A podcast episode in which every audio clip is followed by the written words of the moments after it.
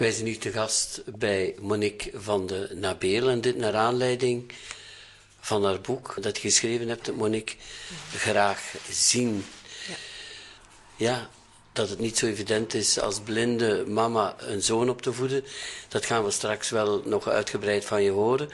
Maar eerst zou ik met jou even willen terugblikken in, in je jeugd. Uh, je bent omwille van een oogaandoening vanaf je twaalfde volledig blind? Of heb je vooraf nog kunnen zien?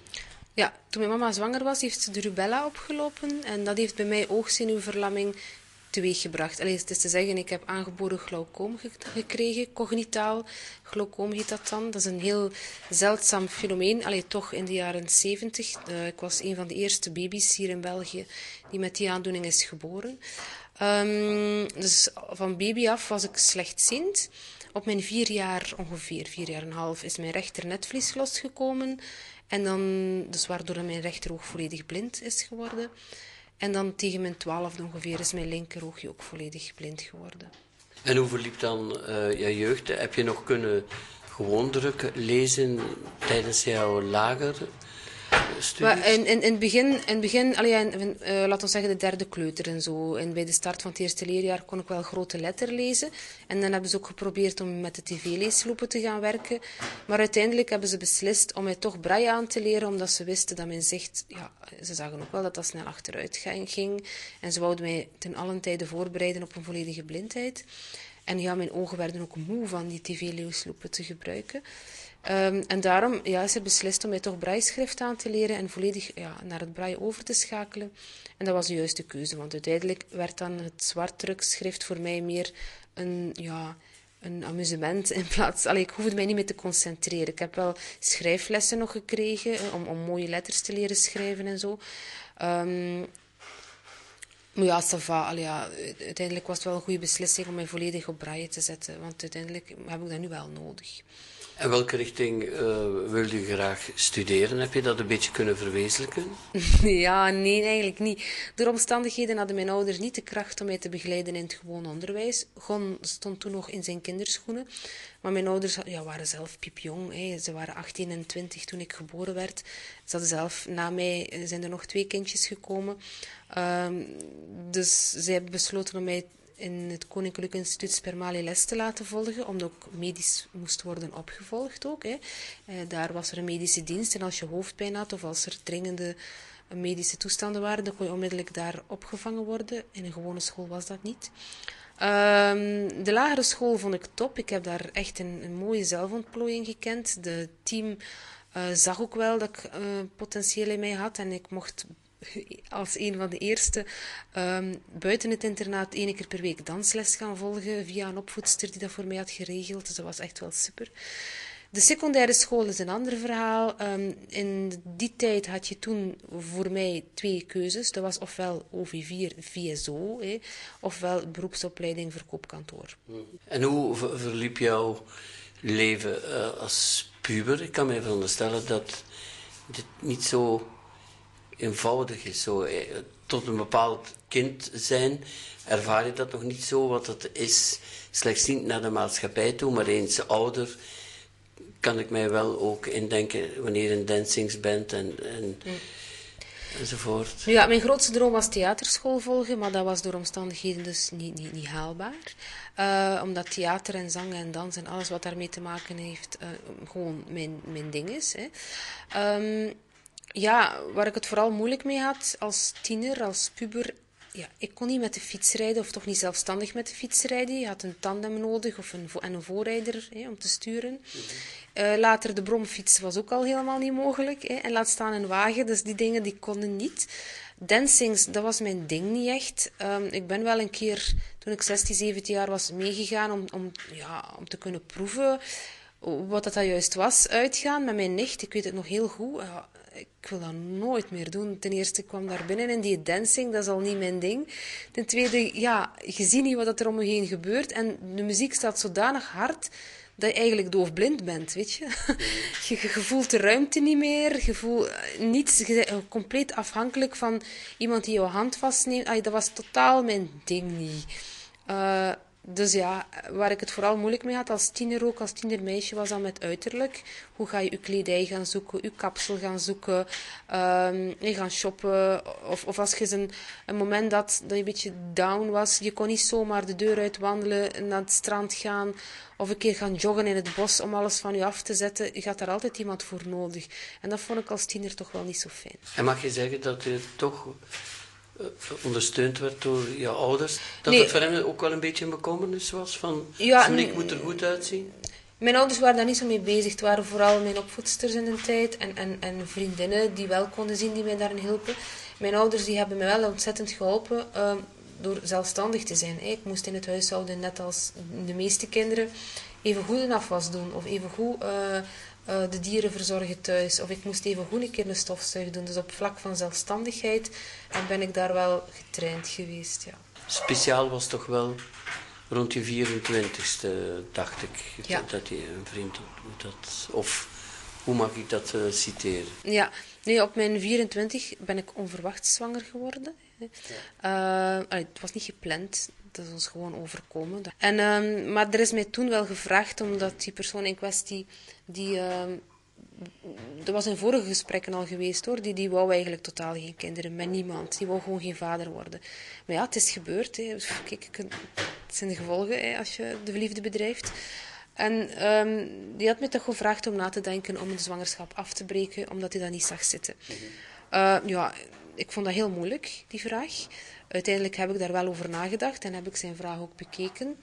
Ehm, maar dan heb ik toch mijn eigen gevoel gevolgd, want ik was, ik was 24, hè, tegen zeg geen 18 niet meer of zo. Al, ja.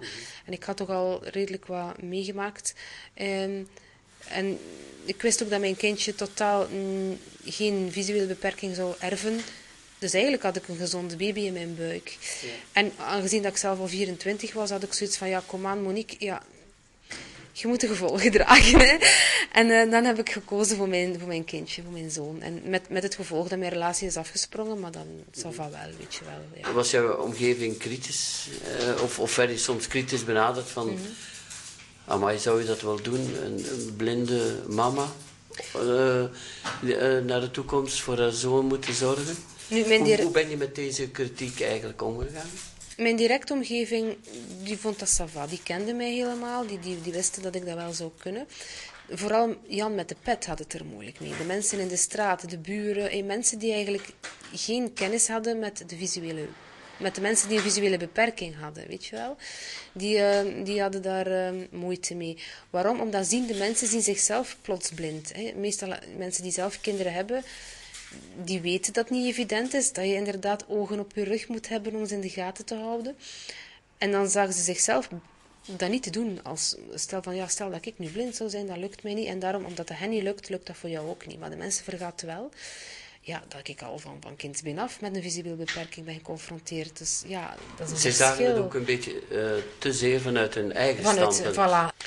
Nee, maar ik ben altijd met kinderen bezig geweest. Ik, ik, heb, ik, heb, ja, ik heb vroeger als, als... Ik heb een jongere zus en broer, ten eerste. Ten tweede, ik ben veel gaan babysitten vroeger. Ik eh, heb speelpleinwerken gedaan als monitrice. Ehm, dus dat zorgen voor kleintjes, dat zat wel in mij. Nu, er is een verschil zorgen voor andere kinderen dan voor uw eigen kind. Voor andere kinderen, als ze weg zijn, is het stil in huis. Uw eigen kind, dat is 24 uur op 24, dus dat is niet te onderschatten. Maar ik had zoiets van, ja, allee, ik wist wel de praktische kant en, en dat, dat, dat, dat, dat zou lukken. En ik was ook niet te beroerd om hulp te vragen. Je moet niet onnozel doen. Ik bedoel, als je voelt dat je kind een uitslag heeft, dan moet je gewoon iemand die wel kan zien laten kijken van welke soort uitslag is het, hoe, hoe ziet het eruit, moet ik een dokter raadplegen of is het gewoon maar acne. Allee, je moet, niet, je moet ook niet overdrijven, je moet ook eerlijk blijven met je, voor jezelf en voor je kind ook. Hè? Ja. Zeg, en zo de eerste gewaarwording, Ja. de eerste keer eh, het hart van je kindje te horen, is toch wel een bijzondere ervaring? als Ik vond dat straf. Ik was amper zes, zeven, acht weken, nu al zoiets, eh, zwanger. En die gynaecoloog eh, liet mij het hartje horen. Ik kon, dat, maar ik kon dat niet geloven. Ik kon dat echt niet geloven dat dat al kon. Ay, hoe groot is dat? Een paar millimeter groot, zo'n foetus. En het, dat hartje kon je al horen. Ik vond het eigenlijk wel straf. Ja, En, en dan eh, ja, kwam de bevalling zo stilaan in, in, in zicht. Mhm. Dus eh, plots voelde je dat er iets ging gebeuren en dan... Ik, ik had een nummer gekregen van het ziekenhuis waar ik een uh, rondleiding had gekregen. Dus alle mama's die, en, of alle ouders die krijgen zo eens een rondleiding op de materniteit. Uh, om uitleg te krijgen van ja, wat dat er allemaal zal gebeuren. Welke apparatuur er gebruikt wordt en zo de bevallingsruimte ook eens gaan bewonderen. Uh, ik had dat ook al eens gedaan en toen hadden ze mij een nummer gegeven van een interne hulpdienst. Uh, maar ja, ik moet het niet vertellen. Iedereen die moeder is geworden, zeker voor de eerste keer, je adrenaline begint te stijgen en je begint zo'n beetje van alles te vergeten. Dus ik vond dat nummer natuurlijk niet direct.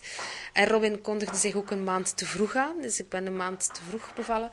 Uh, dan had ik mijn huisarts uit zijn bed gebeld en die zei, ja, bel gewoon de honderd. Ja, natuurlijk, ja, ik de honderd gebeld. En die mensen zijn mij dan komen ophalen en hebben mij dan naar uh, het ziekenhuis in Wetteren gebracht. Wel, die mensen van de 100 waren ontzettend vriendelijk. Echt waar. Allee, ze waren met twee. Um, er was een klein probleempje in die zin, omdat ik de centrale had gebeld, waren ze in principe verplicht mij naar het UZ in Gent te brengen, omdat dat zo wettelijk geregeld is. Ja, ik wou dat natuurlijk niet, want ik wou naar het, naar het ziekenhuis waar ik mijn rondleiding had gehad en waar ik de mensen al een beetje had leren kennen. Dus hebben die echt wel hemel en aarde moeten verzetten om mij naar Wetteren te mogen voeren. En ze hadden ook een mugteam opgestuurd dat is ook wettelijk verplicht, omdat ik een, een, maand te vroeg moest bevallen. En ze wouden geen risico nemen. Stel dat, de, allee, dat ik thuis zou moeten bevallen zijn, ik zeg zomaar iets omdat het al te vlot ging, ja, dan moet, dan moet dat in de mug gebeuren. En na heel wat discussie en getouwtrek hebben ze een uitzondering toegestaan en dan hebben ze mij toch uit de 100 dienst dan mij naar uh, het ziekenhuis in Wetteren gebracht. In Wetteren aangekomen um, was zo, normaal mogen de mensen van de hulpdiensten niet verder dan de onthaalbalie. Omdat daar de patiënt wordt overgedragen aan ja, de handen van de verpleegkundige in het ziekenhuis. Maar ja, hupla, een tweede discussie was in de maak, want in de onthaalbalie ja, ja, uh, was er niemand die mij kon begeleiden naar uh, de materniteit. En aangezien dat ik geen noodgeval was, allee, het was een heel gedoe. Ja, maar zegt die verpleegster van de honderddienst, ja, wij mogen niet mee naar binnen in het ziekenhuis. Jullie moeten naartoe. Ah, het was een heel gediscussieer. Uiteindelijk heeft die verpleegster en de verpleger uh, nogal verbouwereerd mijn arm genomen en zijn ze met mij naar de materniteit gewandeld en zijn ze bij mij gebleven tot de mensen van het ziekenhuis het van hen overnamen. Ik moet wel zeggen, die mensen van de 100 waren super. De vrouwelijke collega bleef constant bij mij. En de mannelijke collega die heeft al mijn paparassen in orde gebracht. Mijn CIS-kaart gevist, mijn al ja, de inschrijving geregeld. Allemaal, ze mochten dat eigenlijk niet doen. Maar ze hebben wel heel menswaardig gereageerd. Ik vond dat super. Dan richting uh, bevallingskamer. Heb, heb je die bevalling ook bewust meegemaakt? Ja hoor, zeker weten. Ik heb ze heel bewust meegemaakt. Ze hadden mij een beetje een epidurale opgedrongen. Ik ben daar een deel in meegegaan. Uiteindelijk is dat heeft dat spel niet goed gewerkt, noem ik dat. Die, die, die verdoving heeft niet echt zijn werk gedaan.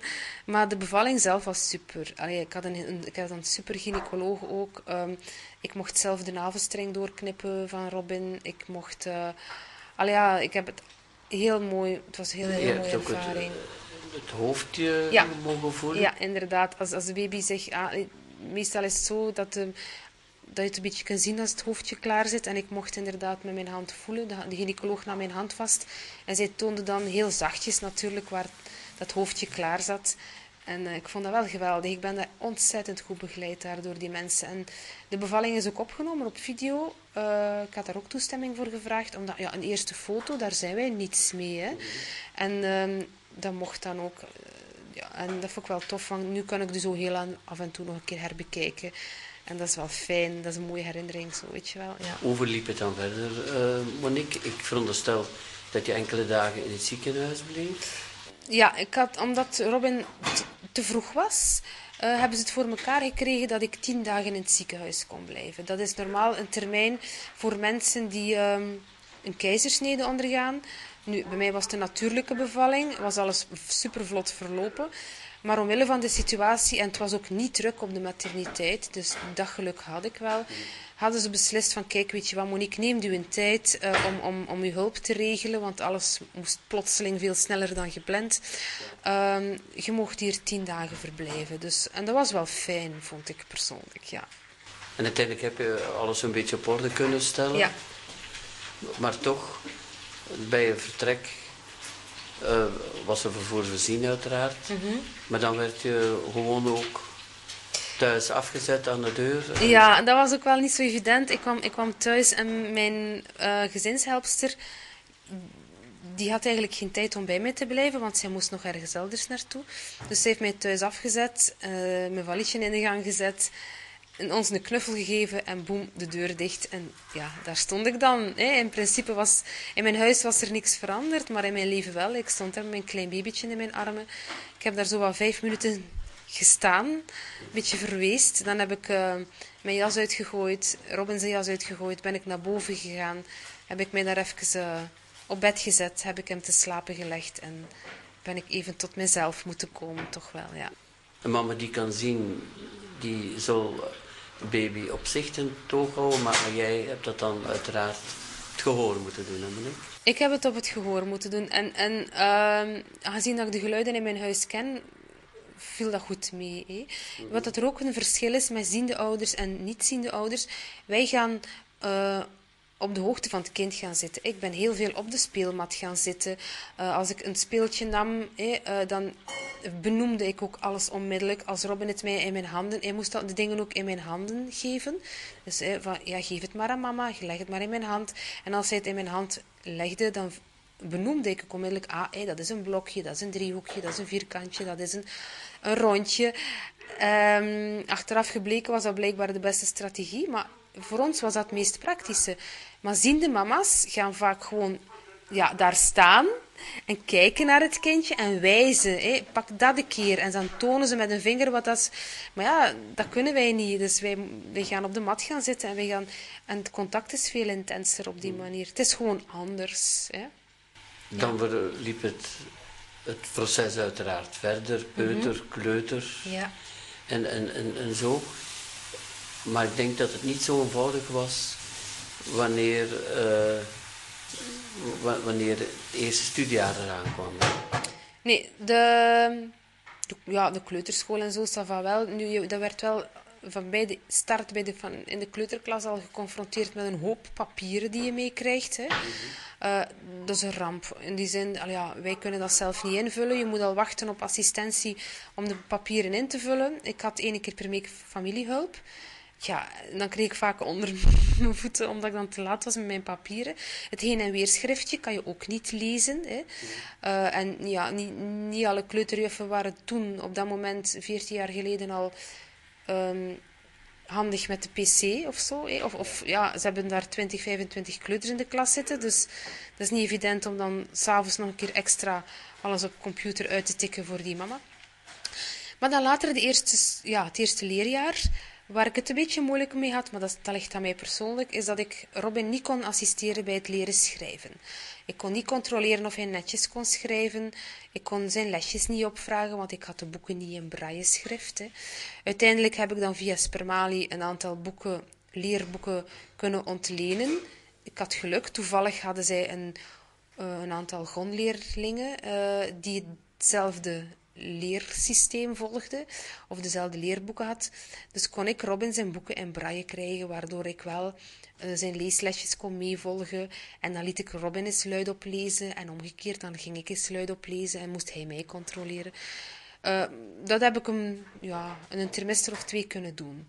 Maar dat was het ook gedaan. Dat was, ja, heb je ook beroep gedaan op... Uh ziende assistentie hiervoor? Om Robin dat was niet zo evident. Iedereen gaat ervan uit dat dat, dat, dat zou moeten kunnen. Hè?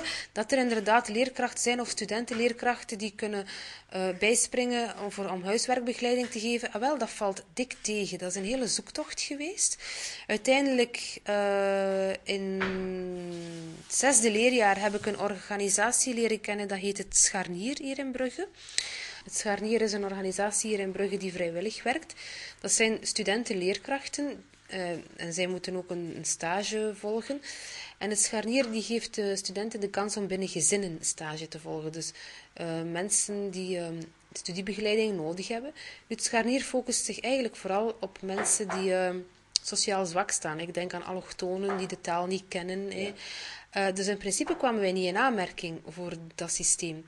Nu, de coördinator uh, had wel oog voor mijn vraag. En dat zoiets van, ja, inderdaad, mevrouw, uw vraag is terecht. Hè. Jij kan Robin visueel niet ondersteunen.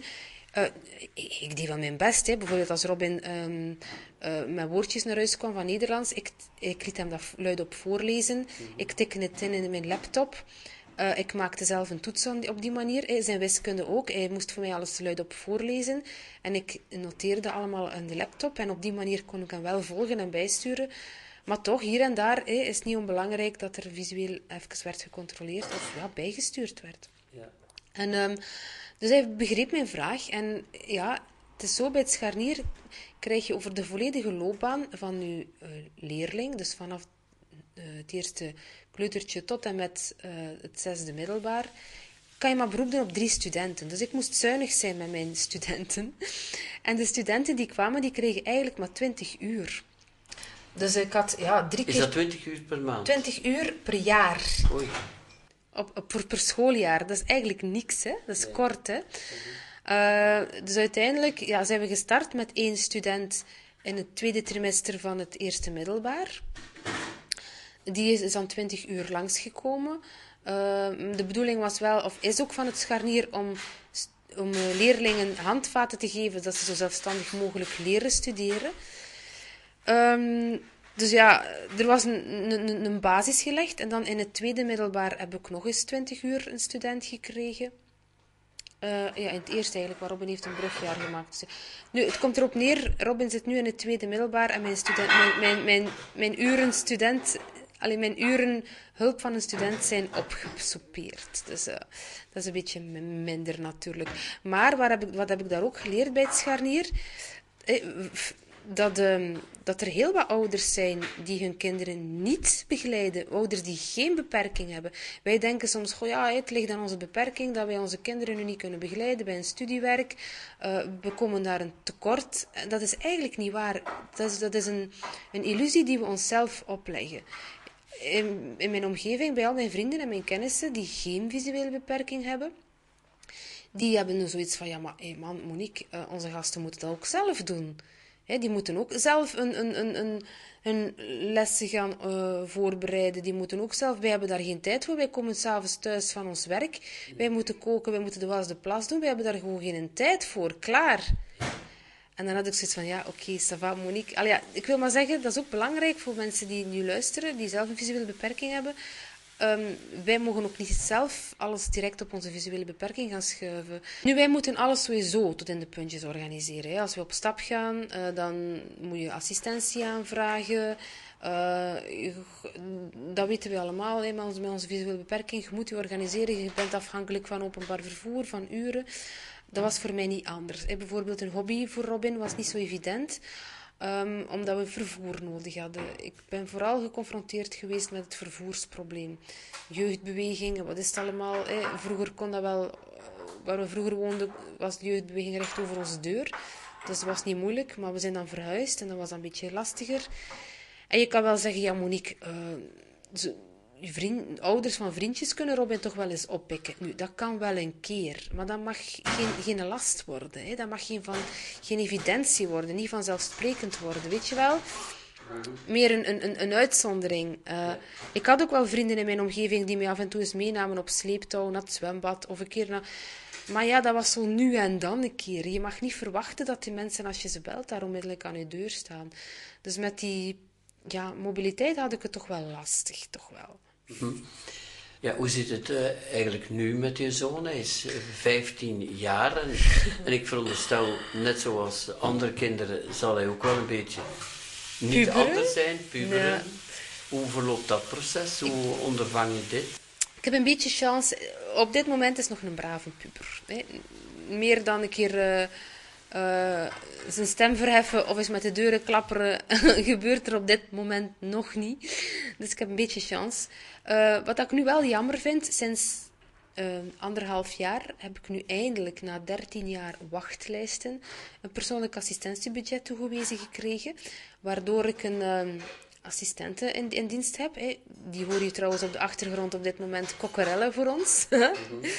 um, Dat is fijn, hè? Dat is leuk, hè? Een beetje achtergrondgeluid. Ja, nee, maar gewoon, ja. Dat er, ja. Nee, nee, maar je bedoelt ook, uh, die neemt toch heel wat taken soms ook van je over? Ja, over is veel. Wij doen de dingen samen. Wat dat er voor mij nu wel een hele grote uh, verandering is, is een mobiliteit. Uh, echt waar, dat is voor mij zo'n verademing. Ik heb nu ook een, een eigen wagen. Like nu, s morgens, als, als het slecht weer is, ja, we zetten het fietsrek op de wagen van achter, ik heb op de trekhaak. Uh, hup, fiets op de, op, de, op, de, op, de fietsendrager, Robin in de auto. En hup, dat kind hoeft niet door weer en wind naar school te fietsen. Ik kan hem nu ook gewoon brengen. En dat is echt wel fijn dat ik hem dat kan geven, weet je wel. Wat frustrerend op dit moment is nu wel, nu we overal naartoe kunnen, dus pak het is een mooie weer, een mooie lentedag. En we hebben zoiets van, goh, we gaan naar de zee vandaag. En, ik heb maar in een auto te stappen en we zijn weg naar de zee. Ja, maar die jongen van 14, 15 jaar, die heeft geen goesting meer om met zijn moeder mee op stap te gaan. Dus en dan heb ik zoiets van, potverdorie, dat is nu toch wel sneu, hè. Een, een tijdje geleden ook, we, hadden, we gingen eens gaan wandelen naar het Zwin. Uh, het heeft mij heel veel moeite gekost om hem mee te krijgen, omdat we gingen wandelen naar het Zwin. Het is gewoon plezant om te gaan wandelen. Nu, het domein Zwin zelf was wel afgesloten, maar we hebben dan een fikse wandeling gemaakt rond het Zwin. Maar ik heb zoiets van, verdorie, we kunnen dat nu gewoon doen. Hè? Onze laarzen aantrekken en lekker in de natuur gaan ploeteren op een voor mij onbekend terrein. Ik kan ook wel hier naar het bos gaan, wat voor mij bekend is. Maar ja, ik kan nu op onbekend terrein gaan wandelen, dankzij de assistentie die we hebben. Ja, wil meneertje niet meer mee, ja. Dat ja, dat hoort men dikwijls van kinderen. Dat de ja. eens ouder, dat de ouders ja. moeite hebben en nog mee op reis en zo te krijgen. Dat ze al zo'n beetje hun eigen weg, eigen ja. weegs beginnen te gaan eigenlijk. Hè. Nu zijn we deze zomer ook voor het allereerst, ik ben net 40 geworden, en de eerste keer in mijn leven ben ik dankzij mijn assistentie samen met mijn zoon op vliegvakantie kunnen gaan. En dat is echt wel een fijn gevoel dat je dat aan je kind kunt geven. Hè. Want ja, helemaal op je ukkie... Uh, op vliegvakantie gaan met... Allee, uw kind is uw kind geen begeleider, hè. ook al is hij veertien. En zeker in een vreemd land en zo. Die, die uh, opmerking kreeg je nog alles zo van... Uh, maar ja... omgekeerd... Uh, zorg maar goed voor uw mama, maar, maar, dat is iets waar jij het helemaal niet mee eens Nee, allee, er zijn nog visueel beperkte ouders die waarschijnlijk die opmerking gaan gehoord hebben. Ik ben dat zo... Mensen gaan ervan uit dat uw kind uh, heel zelfstandig is en dat uw kind taken uit het gezin overneemt van jou. Hallo, dat is dus absoluut niet waar. En ik wil dat ook niet. Ik bedoel, uw kind is uw kind en niet uw begeleider. Je wilt een normale mama zijn. Ja, het mag ook uw verzorger niet zijn. Ah, oh, nu, mensen zien dat soms wel zo. Hè? Want nu ook Robin is ondertussen bijna 15. Hij is fysiek ook een hoofd groter dan ik. Dus als hij mijn arm pakt, dan begeleidt hij mij. Wat dan, ja, hij is gewoon groter dan mij. Maar het is niet zo, omdat hij mijn arm vastpakt, dat hij, dat hij het voor het zeggen heeft. En dat hij, dat hij in mijn plaats dingen gaat beslissen of dingen gaat doen. Integendeel, ik moet op dit moment de omgekeerde beweging maken. Ik kreeg onlangs de opmerking van iemand van, ja Monique, let op het is gezond voor Robin om uh, taken in huis te doen. Laat hem maar eens de vaat legen. Laat hem maar eens het gras afrijden. want dat is belangrijk voor zijn zelfstandigheid. Dat je te extreem in de tegenwerking gaat. Ja, dat, je te weinig wilt laten doen. Ja. Omwille van, uh, van vanuit jouw standpunt. Ja, dat Anders gaan ze weer zeggen, uh, zie eens als iemand binnenkomt. Ja. Hij doet alles hier. Ja, voilà, daarom. Nu, hij is ook enig kind. Dat zal er ook wel mee te maken hebben. Als je zo'n stuk of drie, vier kinderen rondlopen hebt, dan... dan ja, dan dan moeten ze al sneller eens een, een, een handje helpen, denk ik, wat dan normaal is. Hè. Maar voor mij is het zo'n beetje de omgekeerde oefening van, ja man, kom... Uh, Allee, kom aan, steek maar eens de handen uit de mouwen, help maar eens mee. Maar op dit moment zit dat hier wel mooi in evenwicht. Maar de buitenwereld blijft wel hardnekkig doen, hoor. Want ja. onlangs ook, ik ging ergens op gesprek, ik weet niet meer voor wat juist, en uh, dan kreeg ik plots de opmerking en die persoon keek naar mijn assistent. Amai, dat moet toch moeilijk zijn voor die jongen met een blinde. Maar ik, ik zou ontploffen. Hè. Ik, heb, ik, heb zo, ik snap niet waarom dat mensen zo hardnekkig met van die vooroordelen blijven. Maar, maar ook ben je wel een vastberaden vrouw. We hebben het er even niet over gehad. Maar vroeger toen hij nog een peuter of kleuter was, deed hij ook een bandje aan en kreeg je, uh, zodat hij toch de vrijheid had om te lopen. Maar mensen zagen dat soms anders. Hè? Ja, allee, er bestaan zo van die tuigjes. Ook ziende mama's doen dat. Met, met, allee, de meeste peuters willen geen handje geven op een bepaalde leeftijd. Mhm. En ik weet dat er ook ziende mama's zijn die dat gebruiken. Uh, dat is zo een, bandje dat je om de schouders en een buikje kunt vastriemen. Niet echt vast vast, hè. dat is gewoon een beetje... En dan heb je een riempje dat je aan je pols kunt vast te maken. Waardoor dat als het kindje loslaat, dan heb je wel het riempje nog vast, dan, dan loopt hij niet weg. En ik kreeg inderdaad de opmerking van, ja, het is geen hond, het is een, een, een, een kind. Maar als zien de mama's dat gaan doen, eh, dan is dat normaal. Dan is het, ja, ja, ja dat, maar zien de mama's doen dat meestal met kinderen die zogezegd niet, niet behandelbaar zijn. Snap je? Kinderen die een beetje hyperactief zijn en dan is van, ja, maar ja, hij is actief en dan is dat allemaal sava wel, weet je wel. Mhm. Maar ik deed dat sowieso uit veiligheid, hè? want ja, als, als, als Robin zijn handje loslaat en hij loopt weg, ja, hallo, ik bedoel... En niet alleen dat, als je met je stok op stap bent en, en ja, je gaat al een beetje trager wandelen, als je kleintje struikelt, door dat riempje kan je hem een beetje, op, allee, een beetje optillen dat, dat, dat, dat, er geen grote accidenten zouden gaan gebeuren. Ja, maar ik, we zitten nu in de fase, je, zoon uh, volgt nu in het middelbaar onderwijs en, en, en, zo. Dat is allemaal geregeld, uh, hoor ik. Maar als je nu bijvoorbeeld ook een raad zou geven van toekomstige blinde mama's, wat zou je dan zo mee kunnen geven van daar zou je toch moeten op letten. En, en dat zou je moeten negeren, kritiek, weet ik wat. Um, eerst en vooral, uh, proberen open, communicatie. open communicatie is heel belangrijk. Ik weet nog, in het begin, toen ik net bevallen was, heb ik heel veel bezoek gekregen van mensen van kind en gezin. Ik heb daar nooit moeilijk over gedaan. Waarom niet? Ik had zoiets van, ja, laat ze maar langskomen. En laat ze maar eens piepeloeren. Uh, laat ze maar raad en suggesties geven. Ik was altijd vriendelijk. Ik, ik, uh, ik, ik luisterde gewoon naar wat.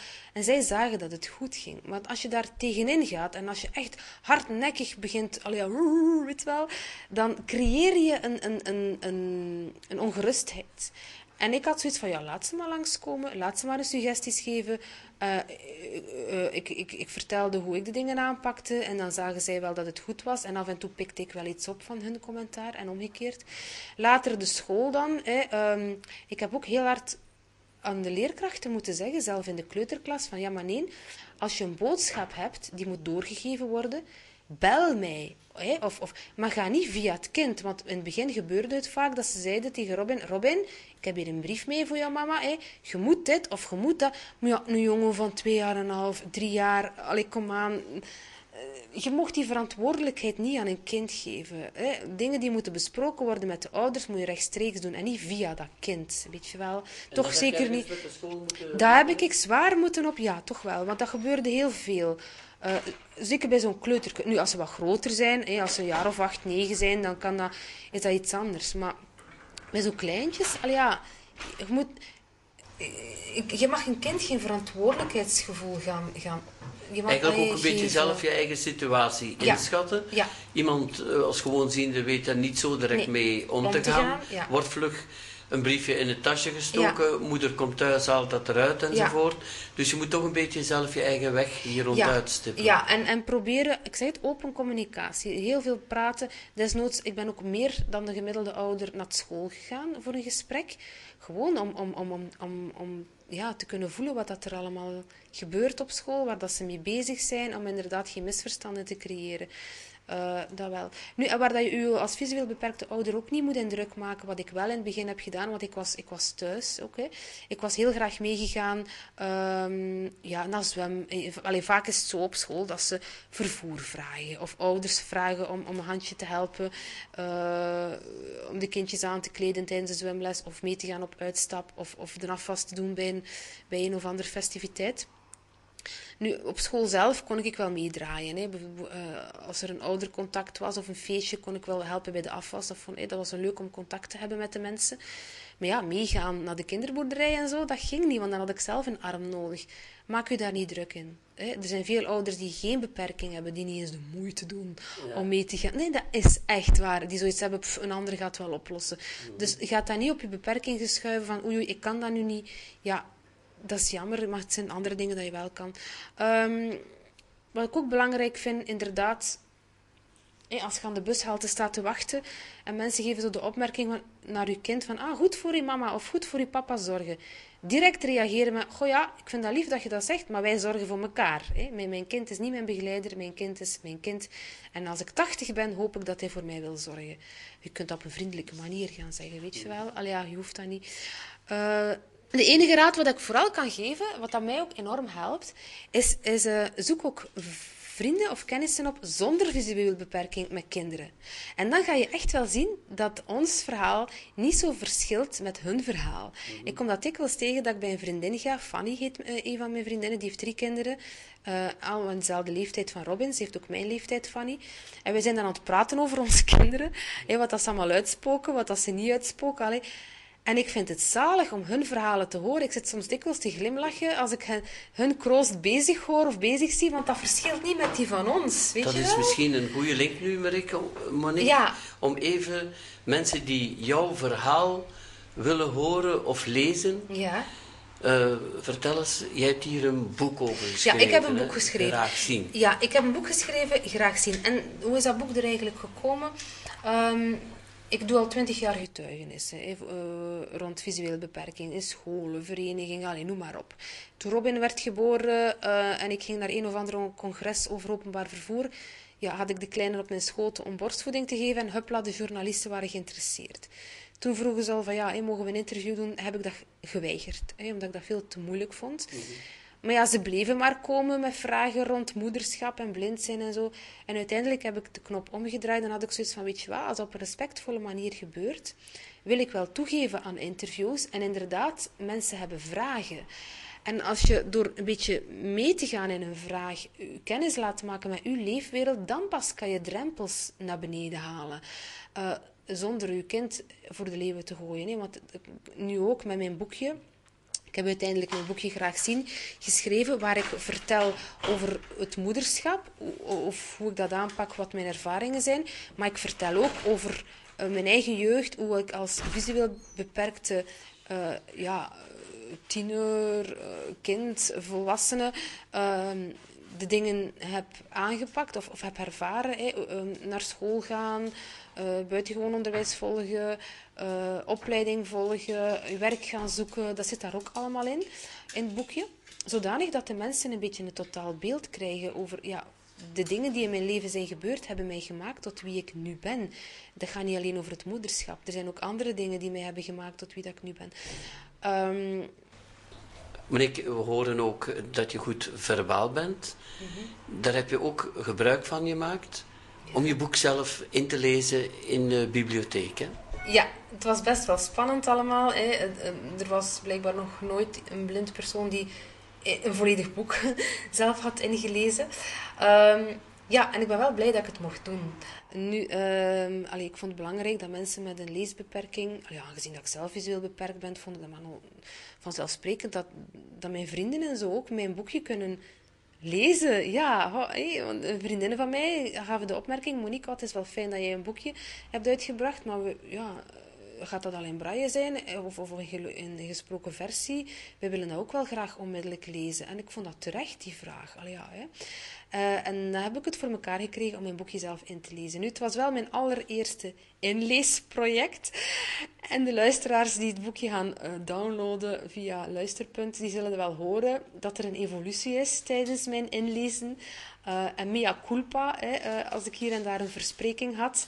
Ehm, ja, dat was mijn eerste leesproject, maar ik ben wel heel blij dat ik het mocht doen. En eigenlijk ben ik heel tevreden over het resultaat. Hier en daar zou ik wel iets opnieuw willen doen, maar ja, ik zeg het, ja, aldoende leert men. En ik ga even de hond uitlaten, want die staat hier te dansen. Heb je gemakkelijk een, een uitgeverij kunnen vinden die bereid was uw boekje uit te geven? Hoe is het eigenlijk gegaan? Dus zoals ik eerder vertelde, heb ik vaak een getuigenis gegeven. En uh, in mei vorig jaar, 2015, had ik opnieuw een getuigenis. En toen zei ja, een vriendin van mij, Monique, ging je eens geen boek schrijven? Ja, ik ging eens een boek schrijven. Ik ging eens een theaterproject doen. Uh, ik had van alles in mijn hoofd, maar hoe begin je daaraan? Ja, maar zegt ze, ik heb een serviceclub. Als het nodig is, willen wij wel financieel ondersteuning geven om jouw boek te realiseren. Hè, want uh, ja, dat, dat zal wel niet zo goedkoop zijn allemaal. Informeer u een keer. Oké, okay, ça va. Ik heb dan via Google aangezien ik toch niks meer om maanden had, via Google geïnformeerd bij verschillende uitgeverijen. En dan kwam ik onder andere bij uitgeverij van Halenwijk terecht. En mijn gevoel vertelde dat ja, dat was wel een Leuven, maar ja, wat. Toen, nu zijn ze verhuisd naar uh, Berchem.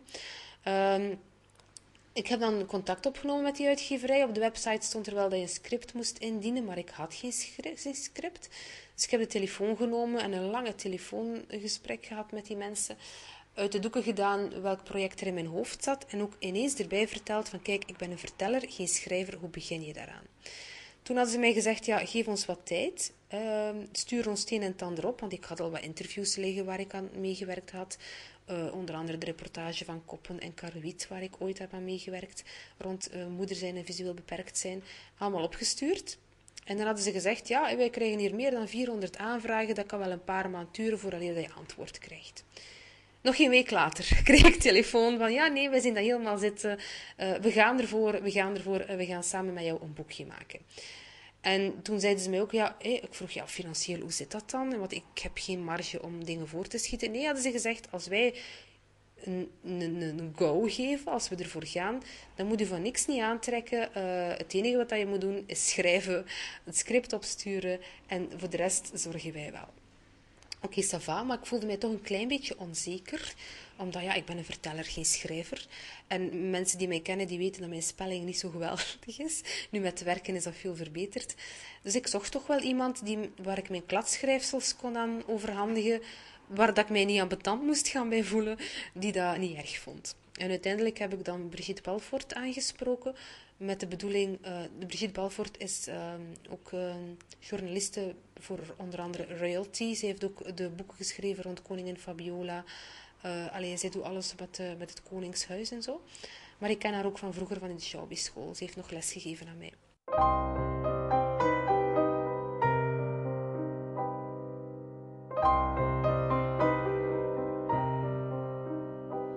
Als een adelaar hoog in de lucht wil ik alles overschouwen in mijn vlucht. Kan je dat geloven? Wil je wel geloven? Kan je echt geloven dat het lukt? Want ik wil graag zien, heel graag zien, jou en jou en jou en Robin überhaupt. In alles wat ik hoor, in alles wat ik ruik, in alles wat ik voel, ook wat jij verborgen houdt. Ik wil kijken in de spiegel van de zinden en laten voelen in de diepte van het glas en laten kijken met gesloten ogen.